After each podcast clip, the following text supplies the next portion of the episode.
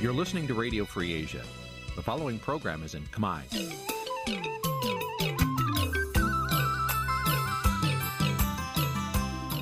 នេះជាកម្មវិធីផ្សាយ Vuthu Azizi Serai នេះជាកម្មវិធីផ្សាយរបស់ Vuthu Azizi Serai ជាភាសាខ្មែរ Vuthu Azizi Serai សូមស្វាគមន៍លោកអ្នកនាងទាំងអស់ពីរដ្ឋធានី Washington នៃសហរដ្ឋអាមេរិក បាទពីរដ្ឋធានីវ៉ាស៊ីនតោនខ្ញុំបាទសេកបណ្ឌិតសូមជម្រាបសួរអស់លោកអ្នកនាងកញ្ញាទាំងអស់ជាទីមេត្រីយើខ្ញុំសូមជូនកម្មវិធីផ្សាយសម្រាប់ព្រឹកថ្ងៃពុធពីរោចខែផល្គុនឆ្នាំខាលចត្វាស័កពុទ្ធសករាជ2566បាទថ្ងៃនេះគឺជាថ្ងៃសិទ្ធិនារីអន្តរជាតិ8មីនា ឆ្នាំ2023បាទជាដំបូងនេះសូមអញ្ជើញអស់លោកអ្នកនាងស្ដាប់ព័ត៌មានប្រចាំថ្ងៃដែលមានមេត្តាដូចតទៅ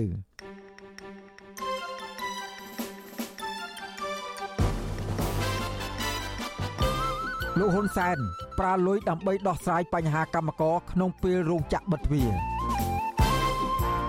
កោតក្រ Nagawal ប្រតិកម្មនឹងលោកហ៊ុនសែនដែលចោទថាពួកគេទទួលលុយដើម្បីធ្វើកោតកម្មសកម្មជនសហជីពនិងដីធ្លីជំរុញឲ្យក្រសួងការងារគោរពសិទ្ធិស្ត្រី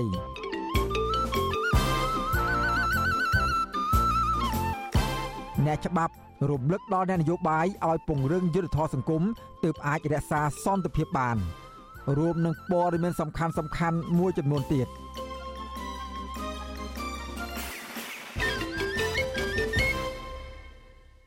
បាទជាបន្តទៅទៀតនេះខ្ញុំបាទសេកបណ្ឌិតសូមជូនព័ត៌មានពិស្ដាបាទជាដំបូងនេះយើងក្រឡេកទៅមើលបញ្ហាស្ថានភាពរបស់ក្រមកោតក្រ Nagawal បាទក្រមកោតក្រ Nagawal ច្រានចោលការចោលប្រកាន់របស់លោកនាយករដ្ឋមន្ត្រីហ៊ុនសែនដែលថាលោកមិនជឿការតវ៉ាជាងមួយឆ្នាំមកនេះរបស់កម្មករគ្មានការជួយឧបត្ថម្ភលុយពីក្រោយខ្នងនោះទេពួកគេចាត់ទុកសារដ៏កម្ររបស់ប្រមុខរដ្ឋាភិបាលយ៉ាងដូចនេះថាជារឿងអយុត្តិធម៌និងលំអៀងទៅរកភៀកគីខាងថៅកែបរទេសបាទពីរដ្ឋធានីវ៉ាស៊ីនតោនលោកមេរិតរាយការណ៍អំពីរឿងនេះ ក្រុមកោតក្រ Nagawal មួយចំនួនខកចិត្តខ្លាំងចំពោះលោកនាយរដ្ឋមន្ត្រីហ៊ុនសាន ដែលចោទប្រកាន់មកលើកម្មករខ្មែរដែលជាជនរងគ្រោះដោយសារថៅកែបរទេសរំលោភបំពានសិទ្ធិការងារថាទទួលលុយឧបត្ថម្ភសម្រាប់ធ្វើកោតកម្មទៅវិញពួកគេច្រានចោលការចោទប្រកាន់នេះ អនុប្រធានសហជីពក្រុមហ៊ុន Nagawal អ្នកស្រីឈឹមសុខុនប្រាវិសុវស៊ីស្រីថាបច្ចុប្បន្នមានកោតក្រប្រមាណ400នាក់ឆ្លាស់គ្នាចេញធ្វើកោតកម្មចន្លោះពី80នាក់ទៅ100នាក់ជាប្រចាំក៏ប៉ុន្តែអ្នកស្រីថាការបន្តអូសបន្លាយនៃវិវាទការងារនេះអស់រយៈពេលជាមួយឆ្នាំមកនេះកោតក្របានរងនៅការធ្វើទុកបុកម្នេញការគំរាមកំហែងនិងការចោទប្រកាន់តាមប្រព័ន្ធតុលាការ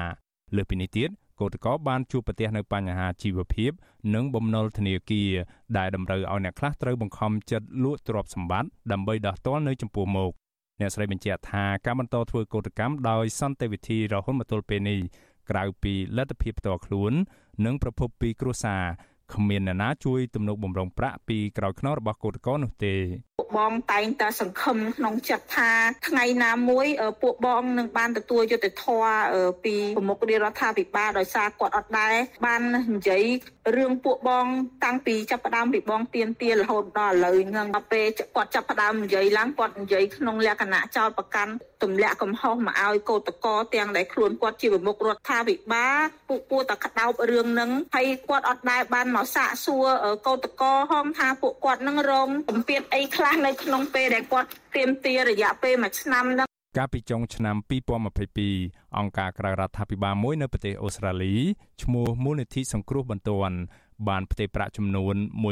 15150ដុល្លារចូលគណនីធនាគាររបស់បុគ្គលិកក្រុមហ៊ុន Nagawal 3នាក់ដើម្បីជួយដល់ក្រុមស្ត្រីសហជីពក្រីក្រនៅកម្ពុជាក៏ប៉ុន្តែប្រាក់នោះត្រូវបានធនាគារ ABA ផ្អាប់ទុកដោយមិនព្រមបើកឲ្យនៅក្នុងអំឡុងខែតុលាឆ្នាំ2022បន្ទាប់មកធនាគារនេះបានសម្រេចបញ្ជូនប្រាក់ត្រឡប់ទៅម្ចាស់ដើមវិញ ក្រោមហេតុផលបុគ្គលទាំងនោះមានវិវាទការងារជាមួយក្រុមហ៊ុន Nagawal ទទោះយ៉ាងណាអ្នកស្រីឈឹមសុខនអះអាងថាមូលនិធិនោះមានប្រភពត្រឹមត្រូវក្នុងគោលបំណងជួយដល់សមាជិកសហជីពរងគ្រោះដូចជាស្ត្រីមានផ្ទៃពោះរួមទាំងក្មេងនៅក្នុងបន្ទុកនៅក្នុងអំឡុងពេលរដ្ឋបិទគប់ដោយសារជំងឺ Covid-19 គណៈរដ្ឋាភិបាលមិនបានផ្ដល់ជំនួយ ឬប្រាក់ឧបត្ថម្ភដល់កម្មករខ្វះខាតនោះឡើយ ប្រតិកម្មរបស់អនុប្រធានសហជីពក្រុមហ៊ុន Nagavel បែបនេះធ្វើឡើងក្រោយពីលោកនាយរដ្ឋមន្ត្រីហ៊ុនសែនថ្លែងក្នុងពិធីចែកសញ្ញាបត្រឲ្យនិស្សិតនៅរាជធានីភ្នំពេញ កាលពីថ្ងៃទី6ខែមីនាទោះបីលោកមិនចាប់ប្រកាន់ចំឈ្មោះក្រុមកោតក្រ Nagavel ក៏ដោយ ក៏គេមើលឃើញថាបច្ចុប្បន្នមានតែកោតក្រ Nagavel នោះទេ ដែលធ្វើសកម្មភាពកោតកម្មដើម្បីស្វែងរកដំណោះស្រាយវិវាទការងារនៅមុខអគារក្រុមហ៊ុន និងទាមទារឲ្យម្ចាស់ក្រុមហ៊ុនបនលបែងនៅកណ្ដាលក្រុងភ្នំពេញគោរពច្បាប់ការងារលោកហ៊ុនសាន លើកឡើងថាអំឡុងពេលបិទគប់ដោយសារតែការរីករាលដាលនៃជំងឺ Covid-19 មានកម្មកររាប់លាននាក់អត់ការងារធ្វើនៅលើពិភពលោក ក៏ប៉ុន្តែលោកថាកម្ពុជា មានកម្មករខ្លះគ្មានការងារធ្វើជាង1ឆ្នាំមកហើយក៏ប៉ុន្តែពួកគេមានលុយចាយមានបាយហូបយ៉ាងស្រួលធ្វើបាតកម្មជាង1ឆ្នាំទៅវិញលោកហ៊ុនសានបន្ថែមថាបាតកម្មមួយកន្លែងនោះមានអ្នកចូលរួមពី300នាក់រហូតនៅសល់100នាក់ដោយសារកម្មករភៀសច្រើនព្រមទទួលយកប្រាក់សំណងនិងរកការងារថ្មីតាមរយៈក្រសួងការងារ ទន្ទឹមនឹងនេះលោកហ៊ុនសានថាលោកមិនជឿថាការតវ៉ានោះគ្មានការជួយឧបត្ថម្ភលុយនៅពីក្រោយខ្នងនោះទេបានខ្ញុំជំរឿមកហើយបើសិនជាខ្ញុំទៅចាប់អាកន្លែងដែលប្រគត់គុំលុយឲ្យធ្វើបាតកម្មខ្ញុំក៏ចាប់បានដែរណែឯងកុំគិតស្មានថាខ្ញុំមិនដឹងនោះខ្ញុំមិនដឹងឥឡូវយើងគិតខ្លួនគេខ្លួនយើងអត់មានការងារធ្វើជាងមួយឆ្នាំ នៅមានលទ្ធភាពបាយស៊ីយ៉ាងស្រួលហើយទៅធ្វើបាតកម្មចេញ តើធ្វើបាតកម្មសម្រាប់អ្នកដែលអត់មានការងារធ្វើពិតប្រាកដតើអាចរស់បានទេអាចរស់បាននេះជាចំណោទហើយរឿងហ្នឹងសូមអ្នកដទៃយល់អំពីកម្ពុជាឲ្យច្បាស់មិនមែនកម្ពុជាភ្លឺទេនិយាយមួយម៉ាត់ទៅផ្ទុយពីការអាងនេះកោតក្រ Nagawal ម្នាក់ទៀតគឺកញ្ញាម៉ែនសុធីវឌ្ឍនាថ្លែងថាបើសិនប្រមុខរដ្ឋាភិបាលចោទសម្ដៅទៅលើកម្មករ Nagawal នោះ គឺជារឿងគួរឲ្យសោកស្ដាយនិងអយុត្តិធម៌បំផុតសម្រាប់កម្មករខ្មែរដែលចេញមុខទាមទារឲ្យថៅកែបរទេសគោរពច្បាប់ស្តីពីការងារទោះជាយ៉ាងណាកញ្ញាច្រានចោលការលើកឡើងរបស់លោកហ៊ុនសានថាកម្មករទទួលលុយខុសច្បាប់ដើម្បីធ្វើបាតកម្មកន្លងមក កញ្ញាថាសប្តាហ៍កម្មករជួបបញ្ហាប្រឈមផ្នែកជីវភាព និងសុខភាពជាខ្លាំងក៏ប៉ុន្តែក្រុមគ្រួសារមិនបណ្ដោយឲ្យសាច់ញាតិអត់បាយស្លាប់នោះទេ ត្រឹមអាហារ3ពេលក្នុងមួយថ្ងៃដើម្បីបន្តទៀមទារឿងត្រឹមត្រូវនៅក្នុងសង្គមកញ្ញាយល់ថារដ្ឋាភិបាល គួរស្វែងយល់ទុកលំបាកវេទនានិងមូលហេតុពិតប្រាកដរបស់កម្មករដែលឈានទៅផ្ទុះការតវ៉ាអស់រយៈពេលជាង1ឆ្នាំមកនេះជាជាងចោតប្រកាន់លើក្រុមកោតក្រដោយមិនលើកឡើងពីកំហុសរបស់ថកែនោះ ការធ្វើបែបហ្នឹងគឺយើងអត់ឃើញថាវាជាដំណោះស្រាយទេហើយយើងនៅតែមានការសោកស្ដាយជាខ្លាំងបើសិនជាការចាប់ប្រកាន់ហ្នឹងមកលើពួកយើងគឺយើងមានតែការ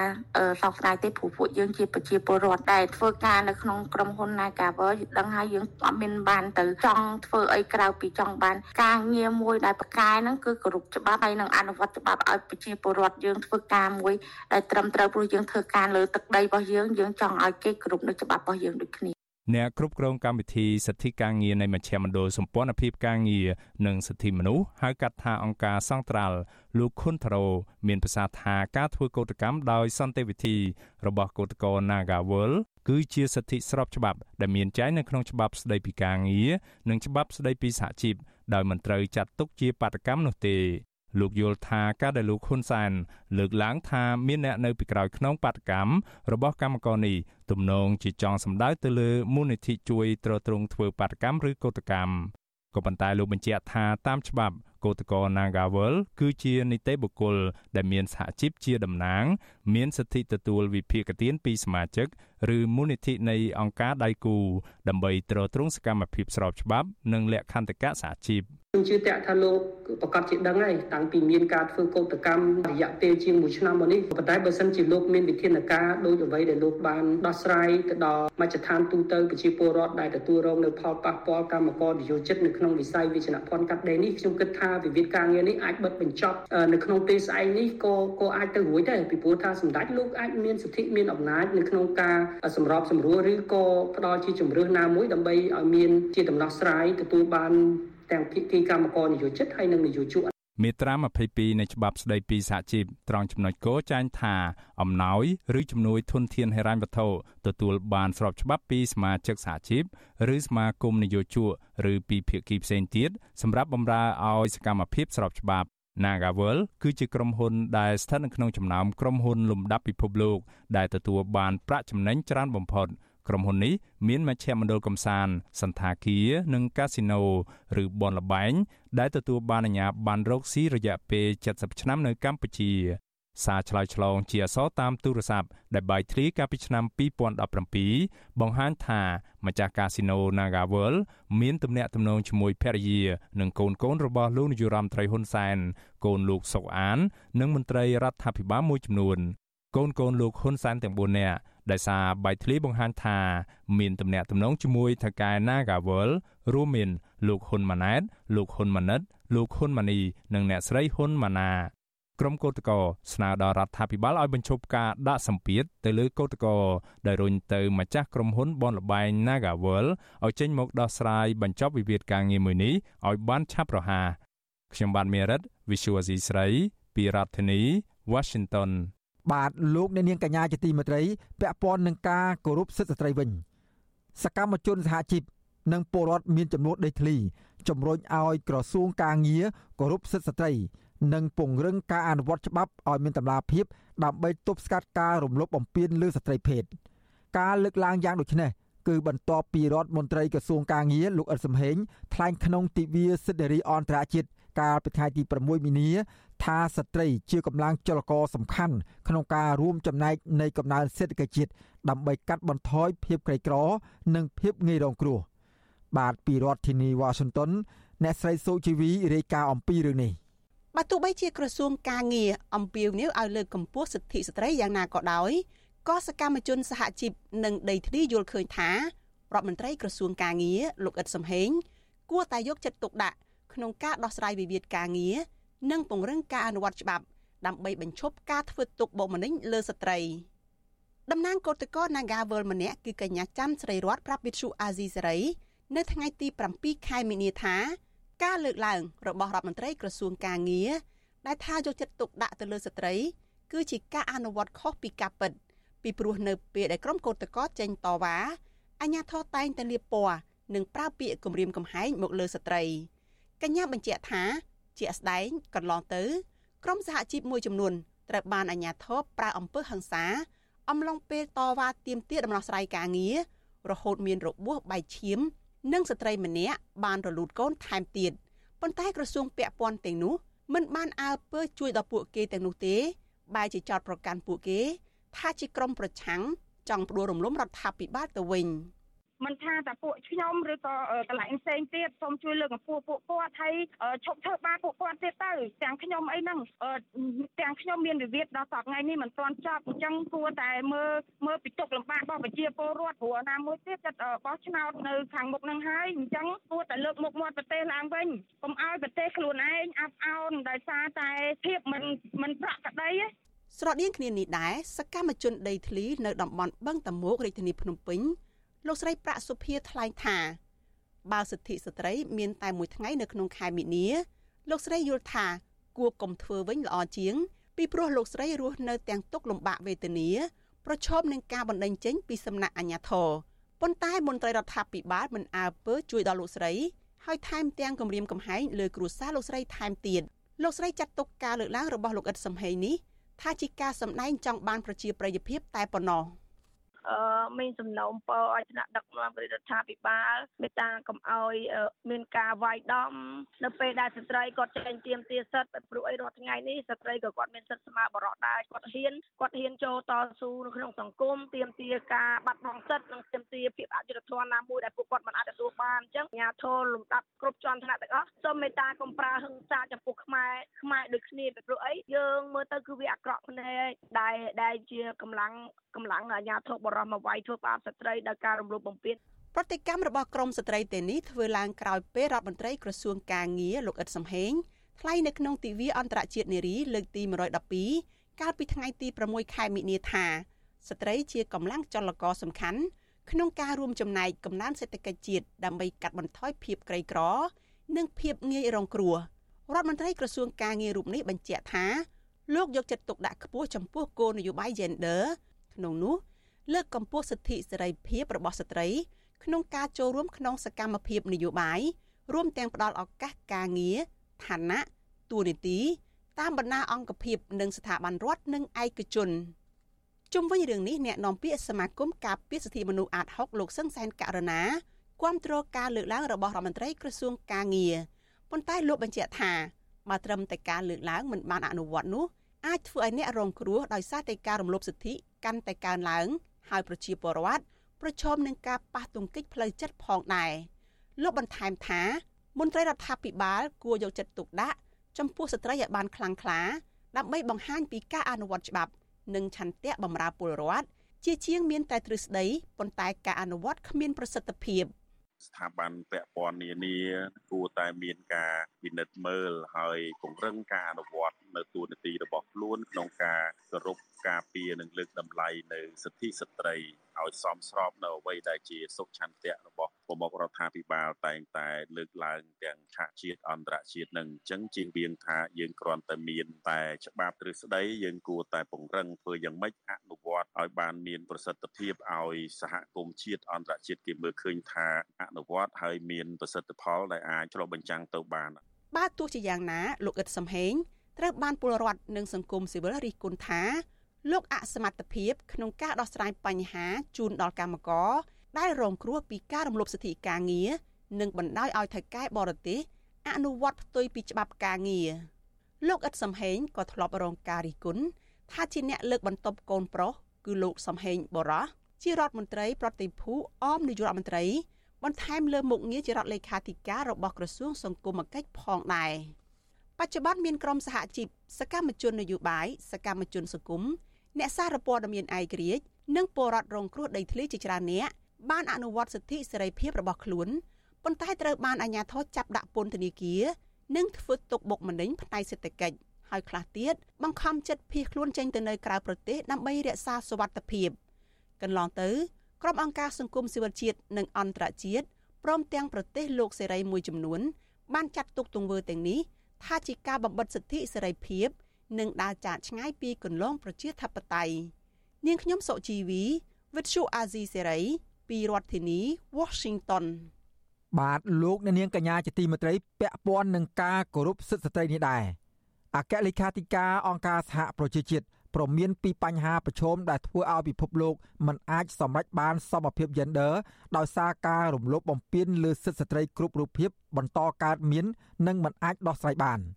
អគ្គលេខាធិការអង្គការសហប្រជាជាតិលោកអងតូនីញ៉ូហ្គូតេរ៉េសបានថ្លែងការណ៍ពីថ្ងៃទី6មីនា ថាវឌ្ឍនភាពសមភាព gender ដែលសម្រេចបាននៅក្នុងរយៈពេលជាច្រើនទសវត្សរ៍កន្លងមកនេះ បានរលាយសាបសូន្យនៅក្រោមក្រសែភ្នែករបស់យើងទាំងអស់គ្នាក្នុងកលៈទេសៈដែលសិទ្ធិស្ត្រីរងការរំលោភបំពានការគំរាមកំហែងនិងអំពើហិង្សានៅគ្រប់ទីកន្លែងក្នុងពិភពលោកលោកថ្លែងបែបនេះនៅក្នុងពិធីបើកកិច្ចប្រជុំរយៈពេល2សប្តាហ៍របស់គណៈកម្មការស្តីពីស្ថានភាពរបស់ស្ត្រីនៃអង្គការសហប្រជាជាតិដោយផ្ដោតលើការបញ្ចប់គម្លាត gender ក្នុងផ្នែកបច្ចេកវិទ្យានិងការច្នៃប្រឌិតមេដឹកនាំអង្គការសហប្រជាជាតិរូបនេះលើកឧទាហរណ៍ អំពីការរំលោភបំពានសិទ្ធិស្ត្រីនៅតាមបណ្ដាប្រទេសនិងតំបន់មួយចំនួនក្នុងនោះរួមមាននៅប្រទេសអាហ្វហ្គានីស្ថានក្មេងស្រីត្រូវគេផ្ដាច់ចេញពីជីវិតក្នុងសង្គមនៅតាមកន្លែងជាច្រើន សិទ្ធិតាក់ទងដល់ផ្លូវភេទនិងការផ្ដាល់កំណើតរបស់ស្ត្រីត្រូវបំពេញឬធាក់ថយក្រោយនៅក្នុងប្រទេសខ្លះទៀតក្មេងស្រីប្រឈមនឹងការរំលោភខ្សែសន្តិវៈនៅពេលពួកគេធ្វើដំណើរទៅសាលារៀនលោកបញ្ជាក់ថានៅក្នុងស្ថានភាពបែបនេះ សមភាព gender មិនអាចសម្រេចបានឡើយហើយពេលវេលាដែលអាចសម្រេចបានក៏កាន់តែមានគម្រិតឆ្ងាយទៅទៀតគឺអាចនឹងត្រូវការពេលវេលារហូតដល់ទៅ300ឆ្នាំទៀតទើបអាចបញ្ចប់វិសមភាព gender នៅក្នុងពិភពលោកនេះបាន ការប្រមានរបស់លោកអង្គតូឌីញ៉ូហ្គូតេរ៉េនេះធ្វើឡើងពីថ្ងៃមុនទិវានារីអន្តរជាតិ8មីនាដែលបណ្ដាប្រទេសទាំងឡាយនៅក្នុងពិភពលោកកំណត់យកជាថ្ងៃប្រារព្ធពិធីលើកកម្ពស់សិទ្ធិស្ត្រី ដើម្បីបង្ហាញពីឆន្ទៈក្នុងការជំរុញសមភាព gender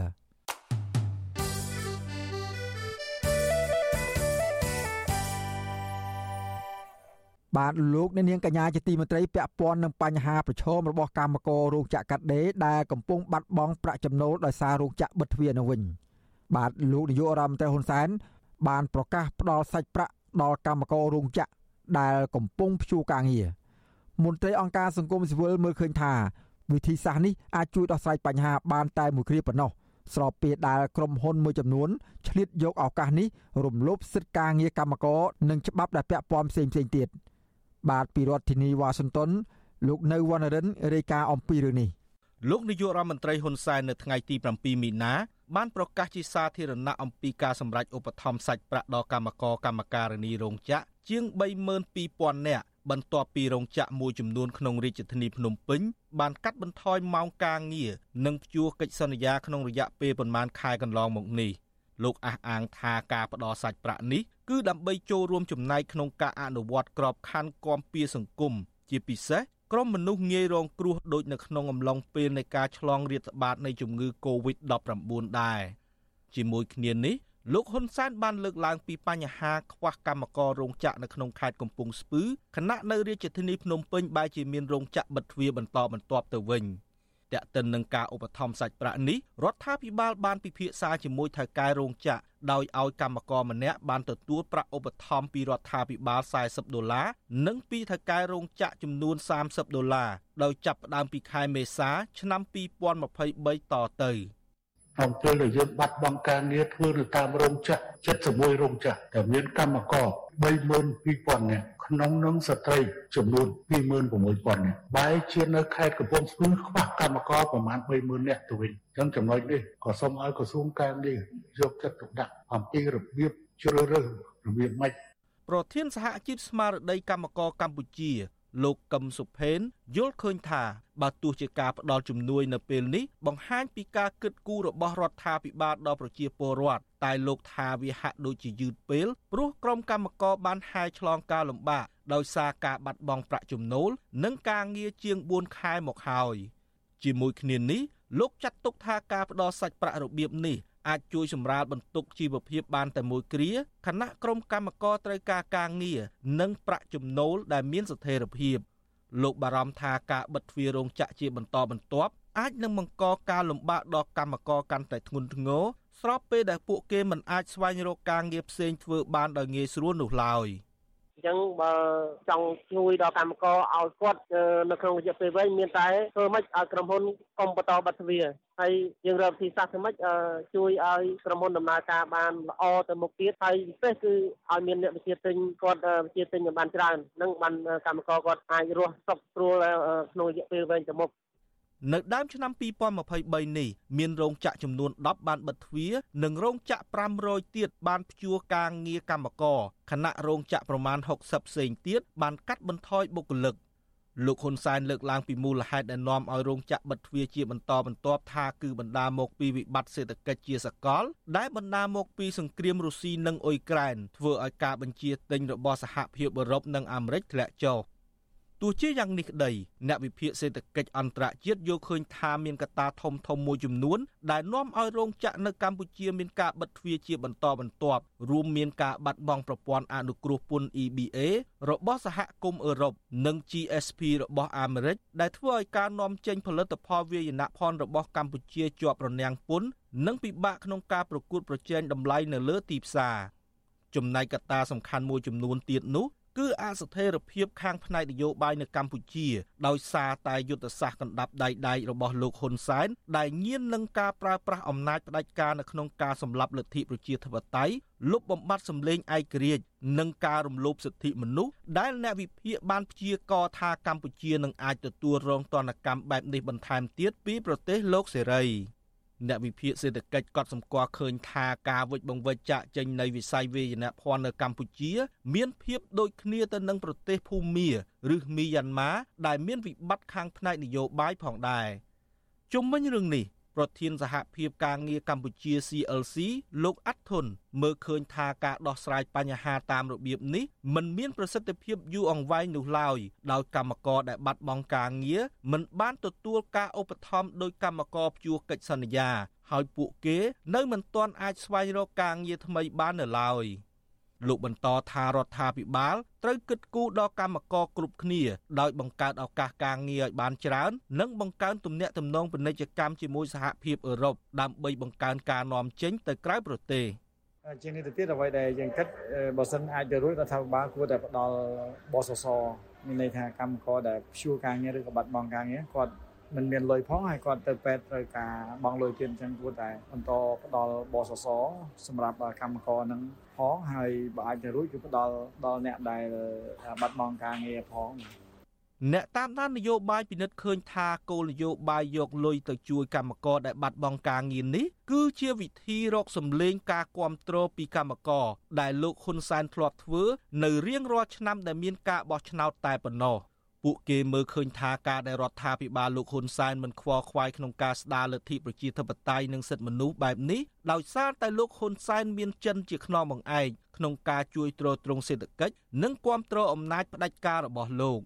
ទោះជាយ៉ាងនេះក្តីមោទនភាពរបស់លោកហ៊ុនសែនដែលមានចំពោះមិត្តដៃថែបចិននេះគឺគ្មានតុល្យភាពឡើយព្រោះកម្ពុជាក្នុងឋានៈជាដៃគូរកស៊ីជាមួយចិនកំពុងប្រែក្លាយជាកូនបំណុលបន្តិចម្ដងបន្តិចម្ដង។ ជាមួយគ្នានេះទំនាក់ទំនងរវាងកម្ពុជាចិនខាងភៀកគីចិន គឺផ្ដោតសំខាន់ទៅលើទីផ្សារការនាំចេញទំនិញការប្រមូលយករ៉ែនិងធនធានធម្មជាតិទៅបំពាក់ឲ្យក្បាលម៉ាស៊ីនឧស្សាហកម្មនិងប្រើប្រាស់ទឹកដីកម្ពុជា ដើម្បីពង្រីកឥទ្ធិពលយោធារបស់ខ្លួនតែប៉ុណ្ណោះ ស្របពេលការកាត់បន្ថយការងារនិងចំនួនកម្មករកំពុងតែកើនឡើងថៅកែរោងចក្រមួយចំនួនបានឆ្លៀតយកឱកាសនេះកេងប្រវ័ញ្ចកម្លាំងកម្មករដោយបិទរោងចក្រគ្មានការជូនដំណឹងជាមុនការលួចបញ្ជូនអីវ៉ាន់ចេញពីរោងចក្រដោយស្ងាត់ស្ងាត់និងមិនព្រមចេញមុខដោះស្រាយប្រាក់ខែ និងប្រាក់អត្ថប្រយោជន៍ការងារផ្សេងផ្សេងឲ្យកម្មករជាដើម ក្រៅពីនេះរោងចក្រមួយចំនួនបំពេញសិទ្ធិការងារដោយខ្លះឈានទៅដល់ការព្យួរការងារ6ខែដោយផ្ដល់ប្រាក់កម្រៃតិចតួចប្រមាណ15%នៃប្រាក់ខែគោលតែប៉ុណ្ណោះខ្ញុំបាទនៅវណ្ណរិនវិទ្យុអាស៊ីសេរីពីរដ្ឋធានី Washington បាទលោកអ្នកនាងកញ្ញាជាទីមេត្រីលោកនាយករដ្ឋមន្ត្រីហ៊ុនសែនដឹកនាំប្រទេសជិត40ឆ្នាំមកនេះតែងតែប្រកាសពីការបដិញ្ញាចិត្តធ្វើអ្វីអ្វីគ្រប់យ៉ាងដើម្បីការពារសន្តិភាព ស្របពេលដែលកម្ពុជាជាប់ឈ្មោះជាប្រទេសមិនមានការគោរពច្បាប់ ដែលពលរដ្ឋរងភាពនៅអយុធធរជុំវិញបញ្ហានេះអ្នកច្បាប់បានក្រាលរំលឹកដល់អ្នកកាន់អំណាចឲ្យយកចិត្តទុកដាក់ពង្រឹងប្រព័ន្ធយុទ្ធធរសង្គមដែលពួកគេចាត់ទុកថាយុទ្ធធរគឺជាគ្រឹះរបស់សន្តិភាព បាទសូមស្ដាប់សេចក្តីរាយការណ៍របស់លោកសនចាន់រដ្ឋាពីរដ្ឋធានីវ៉ាស៊ីនតោនជុំវិញរឿងនេះលោកហ៊ុនសែនបានយកទ្រឹស្ដីរបស់ប្រធានាធិបតីអ៊ុយក្រែនលោក Volodymyr Zelensky ដែលថាទិភាពរបស់អ៊ុយក្រែននៅពេលនេះគឺសន្តិភាពហើយយកមកបដូរទៅនឹងការគិតរបស់លោកលោកហ៊ុនសែនមានប្រសាសន៍ក្នុងពិធីសម្ពោធដែលប្រើប្រាស់មន្ទីរពេទ្យមិត្តភាពកម្ពុជាចិននៅខេត្តត្បូងឃ្មុំនៅថ្ងៃទី7ខែមីនាថាលោកបានអនុវត្តទ្រឹស្ដីសន្តិភាពនេះជា20ឆ្នាំមកហើយដែលលោកយល់ថាបានធ្វើឲ្យកម្ពុជា មានសុខសន្តិភាពមកទល់សពថ្ងៃនេះលោកហ៊ុនសែនបន្តអះអាងជាថ្មីថាអត្តភាពកម្ពុជារបស់កម្ពុជាសពថ្ងៃនេះគឺសន្តិភាពហើយមានសន្តិភាពទើបមានសិទ្ធិរៀនមានជីវិតរបស់ពលរដ្ឋ មេដឹកនាំដែលគេចាត់ទុកថាជាជនផ្ដាច់ការរូបនេះបញ្ជាក់ថាមានតែសិទ្ធិរស់រានមានជីវិតទេទើបមានសិទ្ធិបញ្ជាមតិប្រជាធិបតេយ្យនិងសិទ្ធិមនុស្សដោយសារលោកយល់ថាប្រសិនបើមនុស្សស្លាប់តើមានសិទ្ធិមកពីណាទន្ទឹមគ្នានេះលោកហ៊ុនសែនក៏ប្រមានចាត់វិធានការកំទេចក្រុមមនុស្សទាំងឡាយណាដែលប្រឆាំងទៅនឹងការដណោរបស់លោកដែលលោកចាត់ទុកថាជាក្រុមមន្ទីរក្រៅច្បាប់និងជាក្រុមអ្នកបំផ្លាញសន្តិភាពតែបើឲ្យទៀមក្រៅច្បាប់នៅក្នុងប្រទេសអ្នកមិនអាចរត់រួចទេ ព្រោះស្រុកឥឡូវអត់មានកន្លែងជំរកទេពីដើមពីដើមមានជំរកវាមានខ្មែរក្រហមផងមានខ្មែរខៀវផងមានខ្មែរសផងតែសិតតែមានផ្ដាប់ប្រវត្តិតែតោះខុសអីរត់ទៅចូលខាងនោះតែឥឡូវអត់មានទេអត់មានទេមានជុំគ្នានៅព្រៃសររឹងអាចអាចចង់បានកម្ពុជាយកចិត្តទុកដាក់អតិភិបពោះជាគេគឺសន្តិភាពជុំវិញការលើកឡើងរបស់លោកហ៊ុនសែននេះត្រូវបានអ្នកវិភាគនយោបាយ និងមន្ត្រីអង្គការសង្គមស៊ីវិលប្រតិកម្មថាគ្រាន់តែជាលេសប្រជាពិធដ្ឋដើម្បីកេងចំណេញនយោបាយពីបរដ្ឋនៅមុនការបោះឆ្នោតឃុំសង្កាត់តែប៉ុណ្ណោះអ្នកវិភាគនយោបាយដែលកំពុងរស់នៅប្រទេសហ្វាំងឡង់លោកកឹមសុខមើលឃើញថាទ្រឹស្ដីមេដឹកនាំប្រទេសអ៊ុយក្រែននៅលោកហ៊ុនសែនមានលក្ខណៈខុសគ្នាដាច់ស្រឡះហើយមិនអាចប្រៀបធៀបគ្នាបាននោះទេលោកបន្តថាលោកសេឡិនស្គីគឺជាមេដឹកនាំដែលទទួលខុសត្រូវខ្ពស់ដល់ប្រជារដ្ឋនៅប្រទេសអ៊ុយក្រែនដែលពិភពលោកគួរតែយកគំរូតាមអ្នកវិភាគរំនេះ បន្ថែមថាការដែលប្រធានាធិបតីអ៊ុយក្រែនលើកឡើងថាអធិភាពកម្ពុជារបស់ជាតិរបស់ខ្លួននៅពេលនេះគឺសន្តិភាពគឺជារឿងត្រឹមត្រូវដោយសារលោកហ៊ានតតាំងជាមួយប្រទេសជិតខាងដែលបានឈាមពាងប្រទេសរបស់ខ្លួនចំណែកកម្ពុជាវិញលោកកឹមសុខមើលឃើញថាលោកហ៊ុនសែនបានយកប្រកខ្លួនឯងដែលហេតុគុណភាពអសកម្មរបស់រដ្ឋាភិបាលឯកបៈធ្វើជាចំណាក់ខ្មាំងហើយងាកទៅការពីផលប្រយោជន៍របស់វៀតណាមដែលបានលើបន្ទប់ឲ្យលោកគ្រប់គ្រងកម្ពុជា ពីព្រោះប្រទេសសន្តិភាព គេត្រូវដោះស្រាយគ្នាដោយសន្តិវិធី ស្របតាមគោលការណ៍ច្បាប់យុត្តិធម៌ទី2គឺជាតិនឹងហ៊ានអនុវត្តការពីខ្លួន ជាពិសេសអធិបតេយ្យជាតិខ្លួនក៏ប៉ុន្តែលោកហ៊ុនសែនបែរជាបណ្ដោយឲ្យវៀតណាមអនុវត្តរណសេរីឈ្លាន ពានហើយជួយប្រតិបត្តិរណសេរីឈ្លានពានរបស់វៀតណាមតទៅទៀតដោយវៀតណាមមានមហាចតាក្នុងការលេបទឹកដីនៃប្រទេសកម្ពុជាហើយលោកហ៊ុនសែននិយាយការពារវៀតណាមនៅគ្រប់ដំណាក់កាលទាំងអស់ដោយឡែកប្រធានសមាគមការពារសិទ្ធិមនុស្សអាត់ហុកលោកនីសុខាយល់ថាកម្ពុជាមិនទាន់មានសន្តិភាពពេញលេញនោះទេដោយសារបច្ចុប្បន្នរដ្ឋាភិបាលបានរំតឹងសិទ្ធិសេរីភាពការសម្ដែងមតិរបស់ប្រជាពលរដ្ឋនិងការចាប់ខ្លួនប្រជាពលរដ្ឋដែលតវ៉ាដោយសន្តិវិធីស្របតាមច្បាប់ដាក់ពន្ធនាគារជាបន្តបន្ទាប់ លោកចាត់ទុកទង្វើរបស់រដ្ឋាភិបាលបែបនេះថាជាការដើរឆ្ងាយពីគន្លងប្រជាធិបតេយ្យហើយបានធ្វើបាបប្រជាពលរដ្ឋខ្លួនឯងឲ្យមានការឈឺចាំដែលជាការធ្វើឲ្យបែកបាក់សាមគ្គីជាតិ។ ពីព្រោះនឹងហើយដែលប្រវត្តិសាស្ត្រកម្ពុជាធ្លាប់មានបញ្ហានឹងច្រើនដងហើយដែលចោទថាអ្នកនេះខ្មាំងអ្នកនោះសត្រូវណាអ្នកនេះក្រុមនេះអ្នកនោះក្រុមនោះបាទលៀបពណ៌គ្នាទៅវិញទៅមកអានឹងហើយដែលបង្កឲ្យមានការឈឺចាប់អានឹងហើយដែលបង្កឲ្យមានជាសង្គ្រាមអានឹងហើយដែលបង្កឲ្យមានអំពើហិង្សាដូច្នេះហើយបានយើងអត់ចង់ឃើញទេទស្សនវិជ្ជាបែបហ្នឹងយើងចង់ឃើញខ្មែរយើងឈរនៅលើគោលការណ៍ស្រស់ស្រួលគ្នាឈរនៅលើគោលការណ៍បង្រួបបង្រួមជាតិដើម្បីអភិវឌ្ឍប្រទេសជាតិជាមួយគ្នាគឺតាមរយៈការបោះឆ្នោតសេរីត្រឹមត្រូវយុត្តិធម៌ហ្នឹងឯងបាទអ្នកវិភាគនឹងសង្គមស៊ីវិលយល់ថាដើម្បីឲ្យប្រទេសមានសន្តិភាពពិតប្រាកដលុះត្រាតែរដ្ឋាភិបាលបើកទូលាយឲ្យប្រជាពលរដ្ឋមានសិទ្ធិសេរីភាពសម្ដែងមតិបើក៏មានការប្រកួតប្រជែងការបោះឆ្នោតដោយស្មារតីគ្នាគ្រប់គណៈបកនយោបាយទាំងអស់ប្រកបដោយភាពសុក្រិតនិងយុត្តិធម៌តាមគោលការណ៍ប្រជាធិបតេយ្យសេរីជាពិសេសលោកហ៊ុនសែនត្រូវហ៊ានឈរដល់រងមមការពីអធិបតេយ្យជាតិរបស់ខ្លួនពីការឈ្លានពានគ្រប់ទម្រង់ពីប្រទេសជិតខាងខ្ញុំសនចាររថាវិទ្យុអេស៊ីសេរី រាយការណ៍ពីរដ្ឋធានីវ៉ាស៊ីនតោន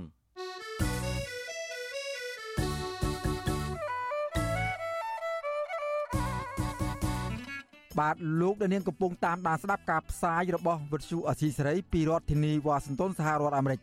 កម្មវិធីផ្សាយរបស់វិទ្យុអសីសេរីផ្សាយដំណើរគ្នាតាមរយៈរលកធារកាសខ្លីឬ shortwave តាមកម្រិតនិងកម្ពស់ដូចតទៅនេះពេលព្រឹកចាប់ពីម៉ោង5កន្លះដល់ម៉ោង6កន្លះ តាមរយៈប៉ុស SW 9.39 MHz ស្មើនឹងកម្ពស់ 32m និងប៉ុស SW 11.85 MHz ស្មើនឹងកម្ពស់ 25m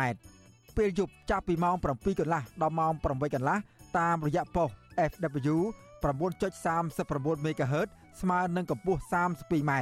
ប៉ុស SW 11.88 MHz ស្មើនឹងកម្ពស់ 25m និងប៉ុស SW 15.15 MHz ស្មើនឹងកម្ពស់ 20m បាទសូមអរគុណ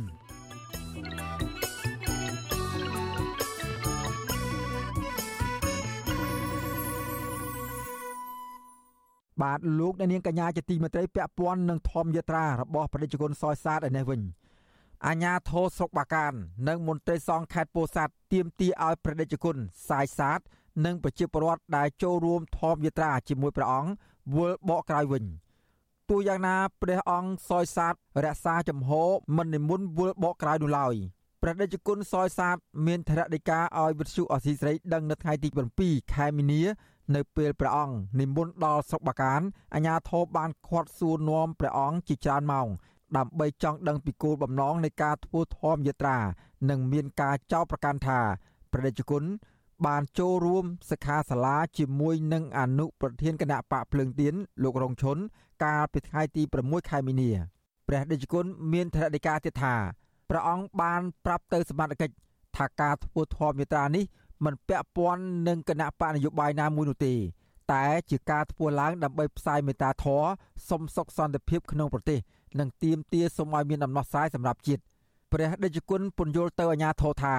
ព្រះអង្គមិនបានចូលរួមសិក្ខាសាលាជាមួយលោករងឈុនដោយការចោទប្រកាន់នោះឡើយ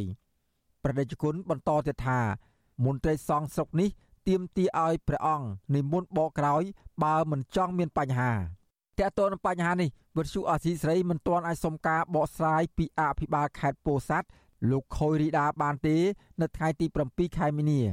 ចំណែកអនុប្រធានគណៈបកភ្លើងទៀនលោករងឈុនក៏មិនទាន់អាចសុំការអធិប្បាយបានដែរ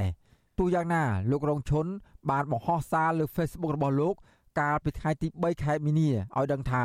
លោកបានប្រគេនចង្ហាន់ជូនដល់ប្រដេជគុណសយសាទនិងបានចូលរួមដំណើរធម្មយាត្រាជាមួយព្រះអង្គជុំវិញរឿងនេះដែរអ្នកនាំពាក្យក្រសួងធម្មការនិងកិច្ចការសាសនា លោកសេងសុមនីប្រាប់ថាលោកមិនទាន់ទទួលដំណឹងអំពីរឿងនេះនៅឡើយទេព្រោះលោកកំពុងធ្វើដំណើរនៅតំបន់ភ្នំ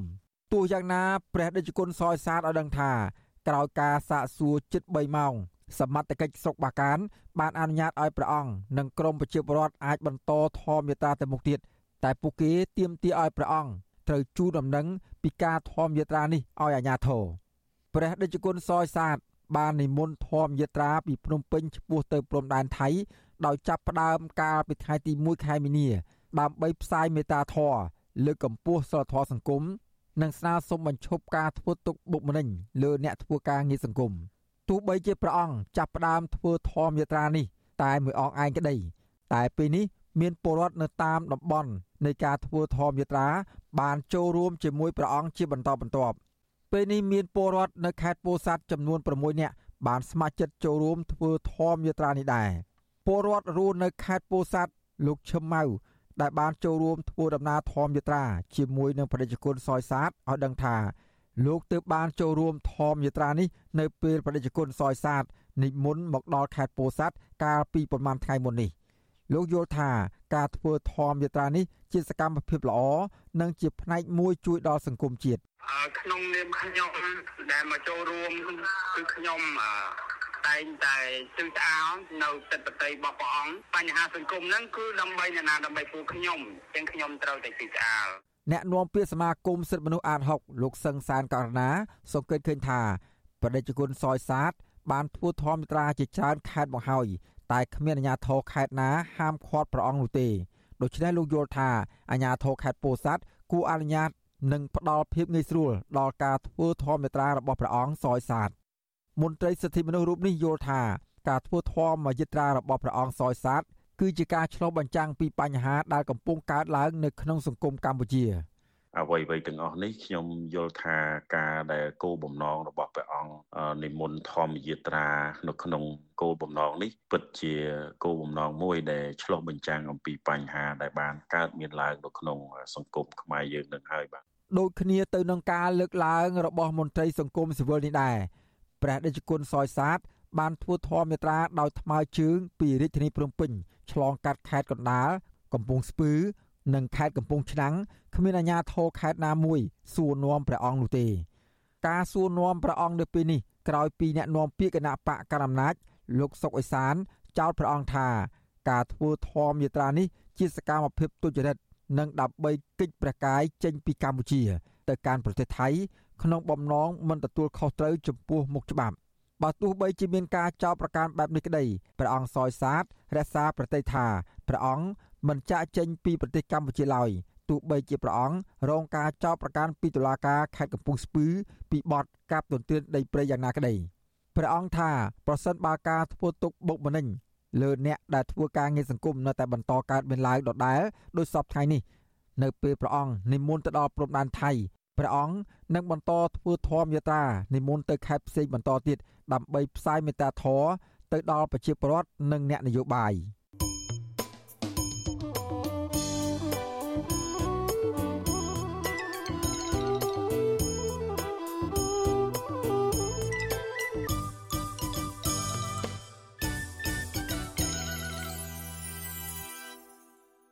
បាទលោកអ្នកនាងកញ្ញាជាទីមេត្រី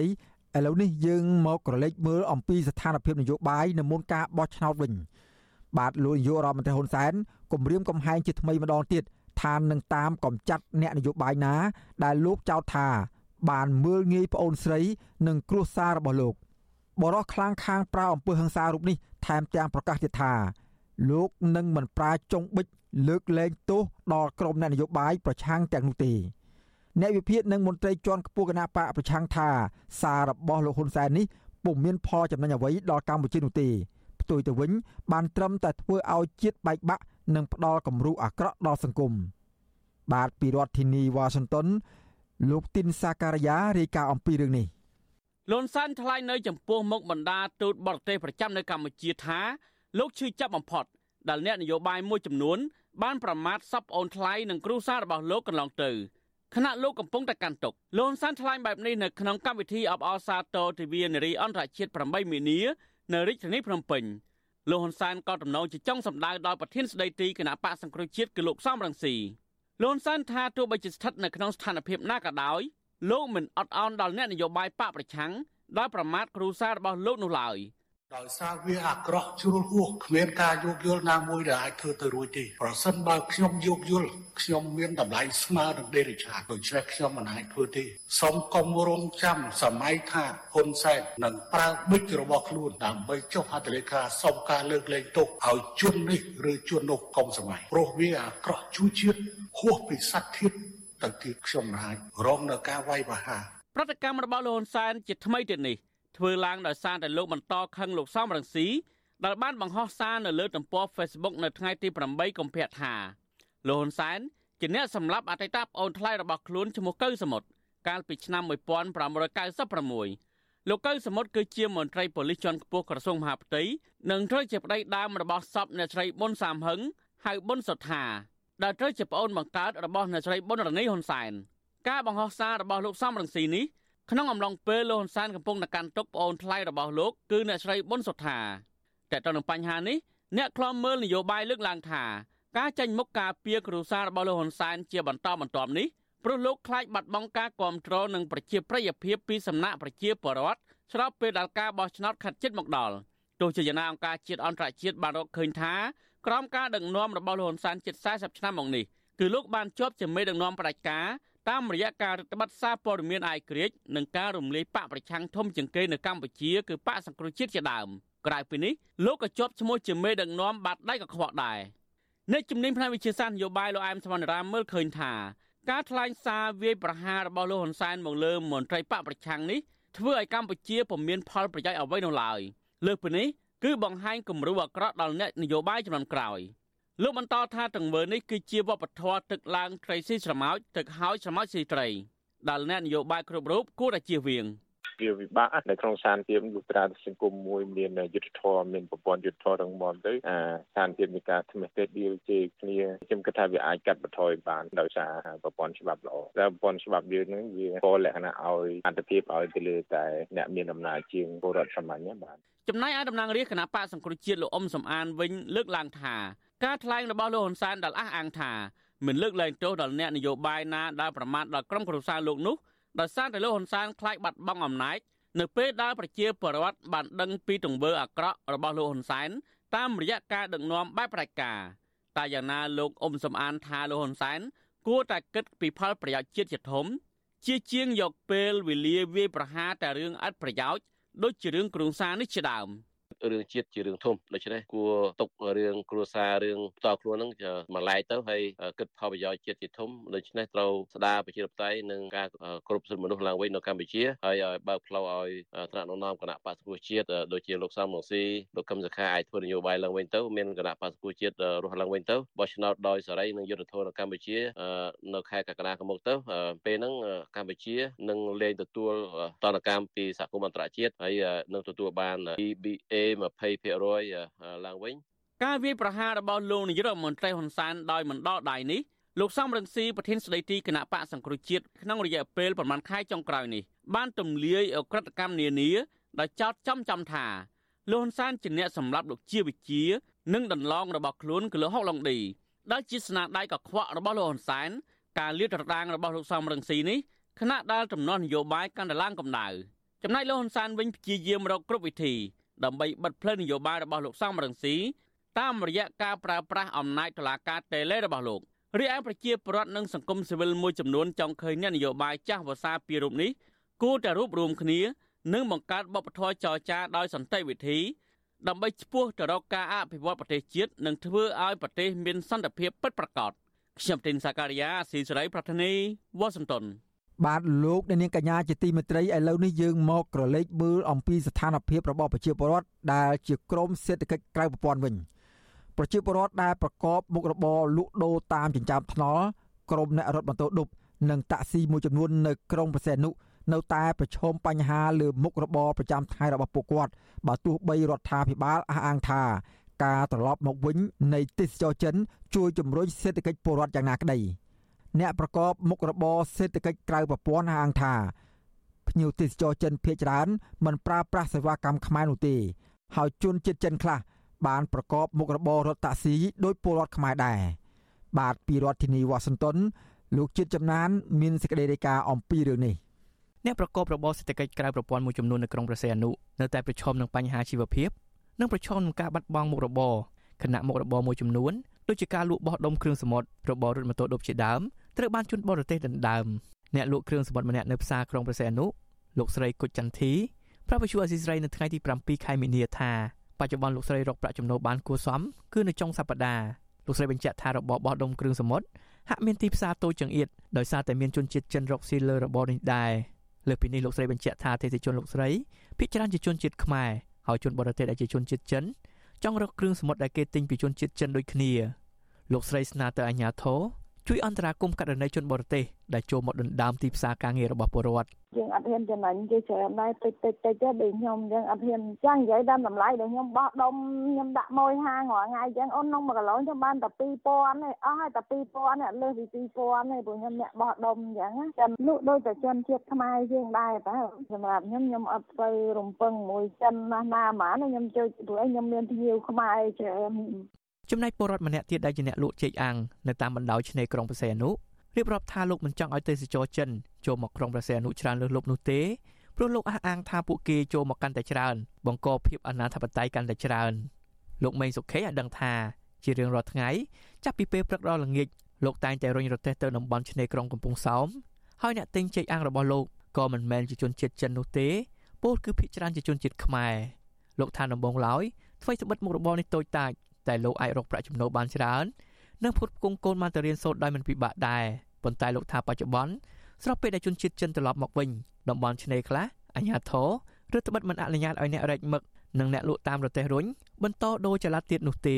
ក្រោមហេតុផលថាដើម្បីរក្សាសន្តិភាពធ្នាប់រឿងចំណូលវាមិនទៀងទាត់ដែរអូននិយាយរួមទៅតាមសេដ្ឋកិច្ចវាវិវត្តទៅតាមប្រទេសជាតិយើងយ៉ាងដែរហ្នឹងណាអន្តរបានទទួលផលពី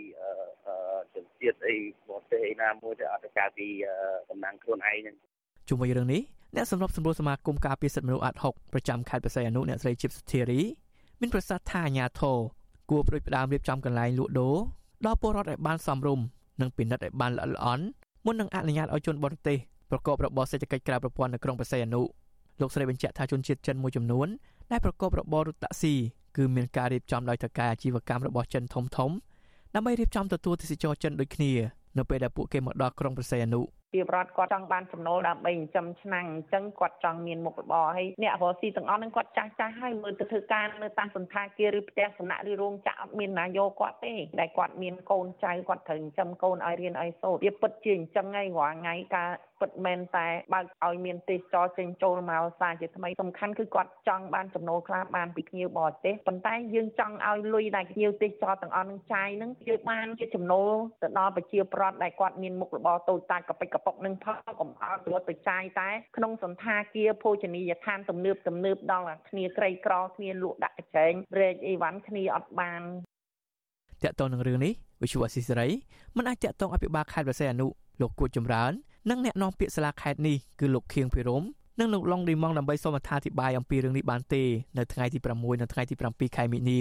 ប៉ុន្តែស្នងការនគរបាលខេត្តប្រសេនុលោកជួននរិនធ្លាប់អះអាងថានៅខេត្តប្រសេនុពុំមានជនជាតិចិនដណ្ដើមមុខរបរតូចតាចរបស់ប្រជាពលរដ្ឋខ្មែរនោះទេទោះជាយ៉ាងណាប្រជាពលរដ្ឋនិងមន្ត្រីសង្គមស៊ីវិលចាត់ទុកការលើកឡើងនេះថាគ្រាន់តែជាលេសកិច្ចវេះពីការទទួលខុសត្រូវតែប៉ុណ្ណោះមន្ត្រីសង្គមស៊ីវិលព្រួយបារម្ភថាប្រសិនបើពលរដ្ឋខ្មែរ ប្រឈមទៅនឹងការបាត់បង់មុខរបរហើយរកចំណូលបានតិចតួចពួកគាត់អាចនឹងបន្តចំណាក់ស្រុកខុសច្បាប់ទៅធ្វើការនៅក្រៅប្រទេសលោកនាយករដ្ឋមន្ត្រីហ៊ុនសែនតែងតែប្រកាសថាវត្តមាននៃជនជាតិចិនចូលមកកម្ពុជាច្រើនកាលណានោះវានឹងជួយជំរុញសេដ្ឋកិច្ចជាតិនិងជីវភាពរបស់ប្រជាពលរដ្ឋឲ្យមានភាពល្អប្រសើរ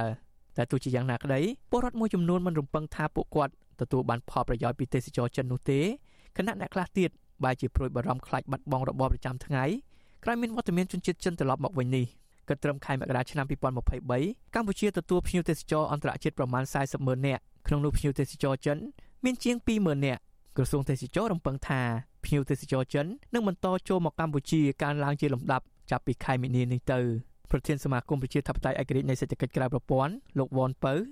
មានប្រសាសន៍ថាពលរដ្ឋខ្មែរមានដើមទុនធំធំដូចជាអ្នកជួលឡាននិងម្ចាស់សន្តាគារពួកគាត់អាចទទួលបានប្រយោជន៍ ពីភ្ញៀវទេសចរចិនដែរតែទោះជាយ៉ាងណាលោកថាភ្ញៀវទេសចរចិនចូលមកកម្ពុជាភ្នាក់ច្រើនពួកគេមិនប្រើប្រាស់សេវាកម្មរបស់ខ្មែរនោះទេរាប់ទាំងកន្លែងស្នាក់នៅទំនើបទំនើបអាហារហូបចុកនិងមធ្យោបាយធ្វើដំណើរដោយសារតែជនជាតិចិនខ្លះប្រកបអាជីវកម្មប្រភេទនេះដូចប្រជាពលរដ្ឋខ្មែរដែរ ខេត្តសេនុអ្នកអត់លមកមួយចំនួនដែលធ្លាប់រត់លមកលមុខស្ថានភាពកាលពីមុនជារបស់ពួកអឺរ៉ុបជារបស់ខ្មែរគាត់អាចចតលមកចតអីនៅមុខស្ថានភាពក្នុងការរកប្រាក់ចំណូលបាន តែឥឡូវនៅពេលជនជាតិចិនគេជួលស្ថានភាពជួលអីសំបីតែមុខស្ថានភាពមុខអីក៏ជនជាតិចិនហ្នឹងក៏យកលុយពីអ្នកលមកនេះអីហ្នឹងដែរហ្នឹងមានន័យថាគាត់ជួលស្ថានភាពប្រមូលលុយសម្រាប់ពីភ្ញៀវហើយគាត់ប្រមូលលុយសម្រាប់អ្នកគាត់លមកតូចតាចគាត់អីដែលពួកហ្នឹងដាក់ខែមុខស្ថានភាពហ្នឹងទៀតមានន័យថាប្រមូលលុយពីខ្មែរទៅវិញផងដែរមួយចំនួនមន្ត្រីសង្គមស៊ីវិលទទូចដល់រដ្ឋាភិបាលនិងអាជ្ញាធរមូលដ្ឋានគួរបង្កើនការយកចិត្តទុកដាក់ទៅលើពលរដ្ឋដែលប្រកបរបរសេដ្ឋកិច្ចក្រៅប្រព័ន្ធក្នុងអំឡុងពេលដែលរដ្ឋាភិបាលប្រកាសឲ្យបើកទេសចរអន្តរជាតិចូលមកកម្ពុជាដើម្បីឲ្យពួកគេអាចរកចំណូលបានផ្គត់ផ្គង់ជីវភាពប្រចាំថ្ងៃលើពីនេះពួកគាត់ស្នើដល់អាជ្ញាធរឲ្យចាត់វិធានការនិងពិចារណាឡើងវិញមុននឹងអនុញ្ញាតឲ្យជនបរទេស ប្រកបរបរអាជីវកម្មសេដ្ឋកិច្ចក្រៅប្រព័ន្ធដែលជាហេតុធ្វើឲ្យពលរដ្ឋម្ចាស់ស្រុករកចំណូលពុំសូវបានពីវិស័យទេសចរដែលអាចឲ្យពួកគាត់បាត់បង់មុខរបរហើយធ្វើចំណាក់ស្រុកខុសច្បាប់ទៅរកការងារនៅក្រៅប្រទេសខ្ញុំបាទជាចំណាន Visual Assisray ប្រធានាទី Washington បាទលោកអ្នកនាងកញ្ញាជាទីមេត្រីពាក់ព័ន្ធនឹងវិស័យសិក្សាធិការវិញនិស្សិតដែលកំពុងបន្តការសិក្សានៅថ្នាក់ឧត្តមសិក្សាតាមសាកលវិទ្យាល័យមួយចំនួន ស្នើដល់រដ្ឋាភិបាលឲ្យបង្កើតគោលនយោបាយកម្ចីប្រាក់សម្រាប់បន្តការសិក្សា មន្ត្រីអង្គការសង្គមស៊ីវិលយល់ឃើញថា ការស្នើឡើងបែបនេះជារឿងល្អបើរដ្ឋាភិបាល បង្កើតឲ្យមានគោលនយោបាយកម្ចីសម្រាប់និស្សិតបែបនេះមែនហើយពួកគេក៏អំពាវនាវដល់រដ្ឋាភិបាលឲ្យចេញគោលនយោបាយដើម្បីជួយសម្រួលឲ្យនិស្សិតអាចបន្តការសិក្សា និងក្លាយជាធនធានមនុស្សដែលមានសមត្ថភាព បាទពីរដ្ឋធានីវ៉ាស៊ីនតោនសូមស្ដាប់សេចក្តីរាយការណ៍របស់លោកយ៉ងច័ន្ទរាអំពីបញ្ហានេះនិស្សិតមួយចំនួនលើកឡើងថា ពួកគេកំពុងប្រឈមបញ្ហាខ្វះខាតថវិកាដើម្បីទ្រទ្រង់ជីវភាពប្រចាំថ្ងៃនិងគ្មានលទ្ធភាពបន្តការសិក្សានោះទេពួកគេបង្ខំចិត្តធ្វើការពេញម៉ោងឬក៏ក្រៅម៉ោងដើម្បីបានថវិកាមួយចំនួនផ្គត់ផ្គង់ការហូបចុកនិងបង់ថ្លៃសាលារៀននិស្សិតផ្នែកព័ត៌មានវិទ្យានៃសាកលវិទ្យាល័យភូមិន្ទភ្នំពេញលោកខ្លែងពិសិដ្ឋថ្លែងថារាល់ថ្ងៃលោកធ្វើការងារជាអ្នកដឹកជញ្ជូនម្ហូបអាហារក្រៅម៉ោង នៅក្រុមហ៊ុនឯកជនមួយក្នុងរាជធានីភ្នំពេញលោកបន្តថាប្រាក់ចំណូលមធ្យមដែលលោកទទួលបានគឺត្រឹមតែ7ដុល្លារប៉ុណ្ណោះនៅក្នុងមួយថ្ងៃបន្ទាប់ពីចាក់សាំងម៉ូតូរួចលោកបន្ថែមថាការធ្វើការងារក្រៅម៉ោងនេះស្ទើរតែមិនអាចទប់ទល់ថ្លៃចំណាយប្រចាំថ្ងៃនោះទេហើយនៅមានការចំណាយផ្សេងទៀតរួមមានថ្លៃផ្ទះជួល50ដុល្លារនៅក្នុងមួយខែនិងថ្លៃបង់សាលាមួយឆ្នាំចំនួន500ដុល្លារថែមទៀត លោកបញ្ជាក់ថាប្រសិនបើរដ្ឋាភិបាលមានកម្ចីសម្រាប់និស្សិតបន្តការសិក្សានៅសាកលវិទ្យាល័យពិតមែននោះគឺជាការល្អប្រសើរសម្រាប់សិស្សនិស្សិតដែលកំពុងតែខ្វះខាតស្នើសុំទៅរដ្ឋដើម្បីជួយដល់សិស្សក្រីក្រឲ្យមានលទ្ធភាពរៀនតផងជួយគ្នាមានកម្មការដើម្បីរៀនអញ្ចឹងស្រដៀងគ្នានេះដែរនិស្សិតឆ្នាំទី4ផ្នែកវិរិយសាស្ត្រនៃវិទ្យាស្ថានបច្ចេកវិទ្យាកម្ពុជាកញ្ញាវិសិទ្ធសុជាតាប្រាប់វិទ្យុអាស៊ីសេរីថា ក្រៅពីការសិក្សានៅសាកលវិទ្យាល័យកញ្ញាធ្វើជាគ្រូបង្រៀនក្រៅម៉ោង នៅសាលាឯកជនមួយនៅក្នុងរាជធានីភ្នំពេញកញ្ញាបន្តថាការរៀននៅសាកលវិទ្យាល័យត្រូវរៀនទាំងព្រឹកនិងពេលរសៀលមិនអាចធ្វើការពេញម៉ោងបាននោះទេពលគឺអាចធ្វើការបានតែត្រឹមចុងសប្តាហ៍ប៉ុណ្ណោះកញ្ញាបន្ថែមថាប្រាក់ចំណូលដែលទទួលបាន គឺខ្ទង់100ដុល្លារក្នុងមួយខែសម្រាប់យកមកបន្តការសិក្សាកញ្ញាវិសុទ្ធសុជាតាត្រេកអរ ប្រសិនបរដ្ឋាភិបាលមានគោលនយោបាយកម្ចីសម្រាប់និស្សិតបន្តការសិក្សានៅថ្នាក់មហាវិទ្យាល័យពីព្រោះអាចជួយសម្រួលទៅដល់ការហូបចុកការស្នាក់នៅ និងបង់ថ្លៃសាលាបាន។ រដ្ឋាភិបាលលោកគួរតែបង្កើតឲ្យមាននៅប្រាក់កម្ចីសម្រាប់និស្សិតដែលមិនចង់បន្តការសិក្សានៅសាកលវិទ្យាល័យបើសិនជារដ្ឋលោកអាចផ្ដល់ប្រាក់កម្ចីសម្រាប់ពួកគាត់ដែលជាសិស្សនិស្សិតក្នុងការយកទៅសិក្សាបន្តវាគឺជារឿងល្អមួយព្រោះសប្តាហ៍ហ្នឹងកំណើននិស្សិតនិស្សិតមានការកើនឡើងជាលំដាប់ប៉ុន្តែបញ្ហាចម្បងដែលពួកគាត់ជួបប្រទះគឺបញ្ហាហិរញ្ញវត្ថុសេដ្ឋកិច្ចរបស់ពួកគាត់ដោយសារតែពេលខ្លះគ្រួសាររបស់គាត់មានជីវភាព ខ្សត់ខ្សោយពេលខ្លះទៀតគាត់មកពីតំបន់ដាច់ស្រយាលឬក៏នៅតាមខេត្តឆ្ងាយឆ្ងាយអញ្ចឹងការដែលបន្តការសិក្សានៅសាកលវិទ្យាល័យវាគឺជារឿងលំបាកសម្រាប់ពួកគាត់ដូចគ្នានេះដែរនិស្សិតដែលទើបតែបញ្ចប់ការសិក្សាផ្នែកបរិស្ថានកញ្ញាសរុនរងសៃថ្លែងថាកញ្ញាធ្លាប់ឆ្លងកាត់ការធ្វើការងារក្រៅម៉ោងជាអ្នកចាប់ទឹកកកតាមរោងការឬក៏រោងបុណ្យជាដើមដើម្បីទទួលបានប្រាក់បន្តិចបន្តួចសម្រាប់បន្តការសិក្សានៅថ្នាក់មហាវិទ្យាល័យ កញ្ញាបន្តថាចំណូលត្រឹមតែ6ឬមួយក៏7ដុល្លារក្នុងមួយថ្ងៃអាចហូបត្រឹមតែពងមាន់ឬពងទាតែប៉ុណ្ណោះដើម្បីសល់លុយកាក់ខ្លះទៀតសម្រាប់ទិញសៀវភៅឬក៏ឯកសារមេរៀនកញ្ញាមិនមានលទ្ធភាពគ្រប់គ្រាន់នៅក្នុងការចូលរៀនសាលាភាសាឯកជននោះទេដោយសារតែគ្មានប្រាក់ សិនជាមានការរៀបចំឲ្យមានជាគោលនយោបាយច្បាស់លាស់នៅក្នុងការផ្តល់ប្រាក់កម្ចីនោះគឺយើងមើលឃើញថាវាផ្តល់សារៈសំខាន់ច្រើនខ្លាំងមែនទែនដល់ប្រទេសជាតិរបស់យើងទាំងមូលហើយវារួមចំណែកក្នុងការអភិវឌ្ឍធនធានមនុស្សធនធានមនុស្សទាំងអស់ហ្នឹងនឹងរួមចំណែកឲ្យមានការអភិវឌ្ឍរបស់ប្រទេសជាតិទាំងមូលទៅមុខទៀតហើយជាកម្លាំងចិត្តមួយដែរសម្រាប់ឲ្យសិទ្ធិរបស់យើងតែនៅតាមខេត្តតែគាត់ចង់ឡើងមករៀននៅរាជធានីភ្នំពេញហ្នឹងឲ្យគាត់បានសម្រេចក្តីសុបិនរបស់គាត់ ការអំពាវនាវរបស់ក្រុមនិស្សិតនេះក៏ដូចគ្នាទៅនឹងអាណាព្យាបាលដែលមិនមានលទ្ធភាពនៅក្នុងការឧបត្ថម្ភដល់កូនឲ្យបន្តការសិក្សានោះដែរពួកគាត់ព្រួយបារម្ភថាកូនកូនរបស់ពួកគាត់នឹងមិនមានអាហារូបត្ថម្ភគ្រប់គ្រាន់បណ្ដាលឲ្យកើតជំងឺស្លេកស្លាំងដោយសារការហូបចុកខ្វះសារធាតុចិញ្ចឹមនិងងាយប្រឈមនឹងជំងឺផ្សេងផ្សេងប្រជាពលរដ្ឋមួយរូបនៅខេត្តបាត់ដំបងលោកកបថាដែលមានកូនចំនួន2នាក់ កំពុងបន្តការសិក្សានៅរាជធានីភ្នំពេញនិយាយថាលោកសប្បាយចិត្តប្រសិនបរដ្ឋាភិបាលមានគោលនយោបាយកម្ចីសម្រាប់និស្សិតបន្តការសិក្សានៅសាកលវិទ្យាល័យលោកបន្តថាដោយសារវ័យកាន់តែចាស់លោករកចំណូលប្រចាំថ្ងៃពុំសូវបានដូចពីមុននោះទេ ជាហេតុមិនមានលទ្ធភាពផ្គត់ផ្គង់តម្រូវការរបស់កូនកូនរៀន។ បើសិនជារដ្ឋាភិបាលជំរុញថវិកាមួយចំនួនដល់ពលនិស្សិតអីហ្នឹងជាការល្អប្តីគ្នានៅរៀនបើសម័យពីដើមហ្នឹងក្មេងៗថ្ងៃអាទិត្យគេទៅធាក់ស៊ីក្លូដើម្បីយកលុយមករៀនតែសម័យឥឡូវនេះវាហួសពេលអាធាក់ស៊ីក្លូហើយទៅធ្វើការនៅកន្លែងផ្សេងផ្សេងមួយខែដូចបានជា100អញ្ចឹងมันអាចបងថ្លៃផ្ទះថ្លៃភ្លើងអាណាចង់រៀនគួរអាណាថ្លៃហូបចុកផងដូច្នេះវាវារោមិនអាចរោចិញ្ចឹមខ្លួនបានណាតាមរបាយការណ៍របស់ក្រសួងអប់រំយុវជននិងកីឡាឆ្នាំ2020-2021 និស្សិតថ្នាក់បរិញ្ញាបត្រមានចំនួនជាង170,000នាក់និស្សិតថ្នាក់ក្រោយបរិញ្ញាបត្រចំនួនជិត10,000នាក់ក្នុងនោះថ្នាក់បរិញ្ញាបត្រជាន់ខ្ពស់ជាង8,000នាក់និងថ្នាក់បណ្ឌិតមានចំនួនជិត1,000នាក់តកតងទៅនឹងរឿងកម្ចីសម្រាប់និស្សិតនេះក្រសួងអប់រំយុវជននិងកីឡាធ្លាប់បានលើកយកបញ្ហានេះទៅពិភាក្សាជាមួយធនាគារឯកជននិងបានដាក់បញ្ចូលនៅក្នុងផែនការយុទ្ធសាស្ត្រវិស័យអប់រំក៏ប៉ុន្តែមិនទាន់ឃើញកម្មវិធីនេះលេចចេញជាផ្លូវការនៅឡើយទេ តាំងតែពីឆ្នាំ2016មកវិទ្យុអាស៊ីសេរីនៅពុំទាន់អាចតាក់ទងแนะនាំពាក្យក្រសួងអប់រំលោករស់សុវិចាដើម្បីសាកសួរអំពីបញ្ហានេះបាននៅឡើយទេ កាលពីថ្ងៃទី7ខែមីនាជុំវិញករណីនេះប្រធានសមាគមសម្ព័ន្ធនិស្សិតបញ្ញវន្តខ្មែរលោកកើតសារាយមានប្រសាសន៍ថាជារឿងត្រឹមត្រូវដែលរដ្ឋាភិបាលគួរតែមានគោលនយោបាយកម្ចីសម្រាប់និស្សិតបន្តការសិក្សានៅសាកលវិទ្យាល័យ លោកបន្តថានិស្សិតដែលរៀនផងនិងធ្វើការផង តែងតែជួបនៅបញ្ហានិងមិនអាចរៀនសូត្របានពេញលេញនោះទេ ពីព្រោះពួកគេត្រូវបែងចែកពេលវេលារវាងការងារនិងការធ្វើការ។ ដើម្បីយើងទទួលបានធនធានល្អសម្រាប់បម្រើប្រទេសដើម្បីយើងទទួលបានធនធានដែលមានគុណភាពនិងចង់មិនចង់រដ្ឋាភិបាលត្រូវតែគិតគូរគំពីទៅដល់ពួកគាត់ហើយត្រូវតែគិតគូរឲ្យស៊ីជម្រៅមែនទែនទើបអាចធ្វើឲ្យប្រសិទ្ធភាពឬក៏គុណភាពនៃការទទួលបានពីសិស្សនិស្សិតរបស់ខ្លួនឯងល្អជាពិសេសការគំពីផ្នែកផ្លូវចិត្តនិងការធានាឲ្យពួកគាត់អាចរៀនចប់ចង់ចប់ដើមណានៅកម្ពុជាបច្ចុប្បន្ននេះយុវជនដែលចង់បន្តការសិក្សានៅថ្នាក់ឧត្តមសិក្សា ភាគច្រើនអាស្រ័យទៅលើការឧបត្ថម្ភពីគ្រួសារនិងការធ្វើការងារក្រៅម៉ោងប្រសិនបើពួកគាត់ខ្វះខាតថវិកាពួកគាត់អាចស្វែងរកកម្ចីឥណទាននេះបាន នៅតាមស្ថាប័នឯកជន ដូចជាធនាគារនិងគ្រឹះស្ថានមីក្រូហិរញ្ញវត្ថុក៏ប៉ុន្តែពួកគេត្រូវសងត្រឡប់ទៅវិញ នៅក្នុងអត្រាការប្រាក់ខ្ពស់ក្រមនិស្សិតនិងអង្គការសង្គមស៊ីវិលនៅតែស្នើយ៉ាងទទូចដល់រដ្ឋាភិបាលបង្កើតឲ្យមានជាគោលនយោបាយកម្ចីសម្រាប់និស្សិតនេះ ដើម្បីឲ្យកម្ពុជាមានធនធានមនុស្សប្រកបដោយគុណភាព និងសមត្ថភាពខ្ញុំយ៉ងច័ន្ទដារាវិទ្យុអាស៊ីសេរី Washington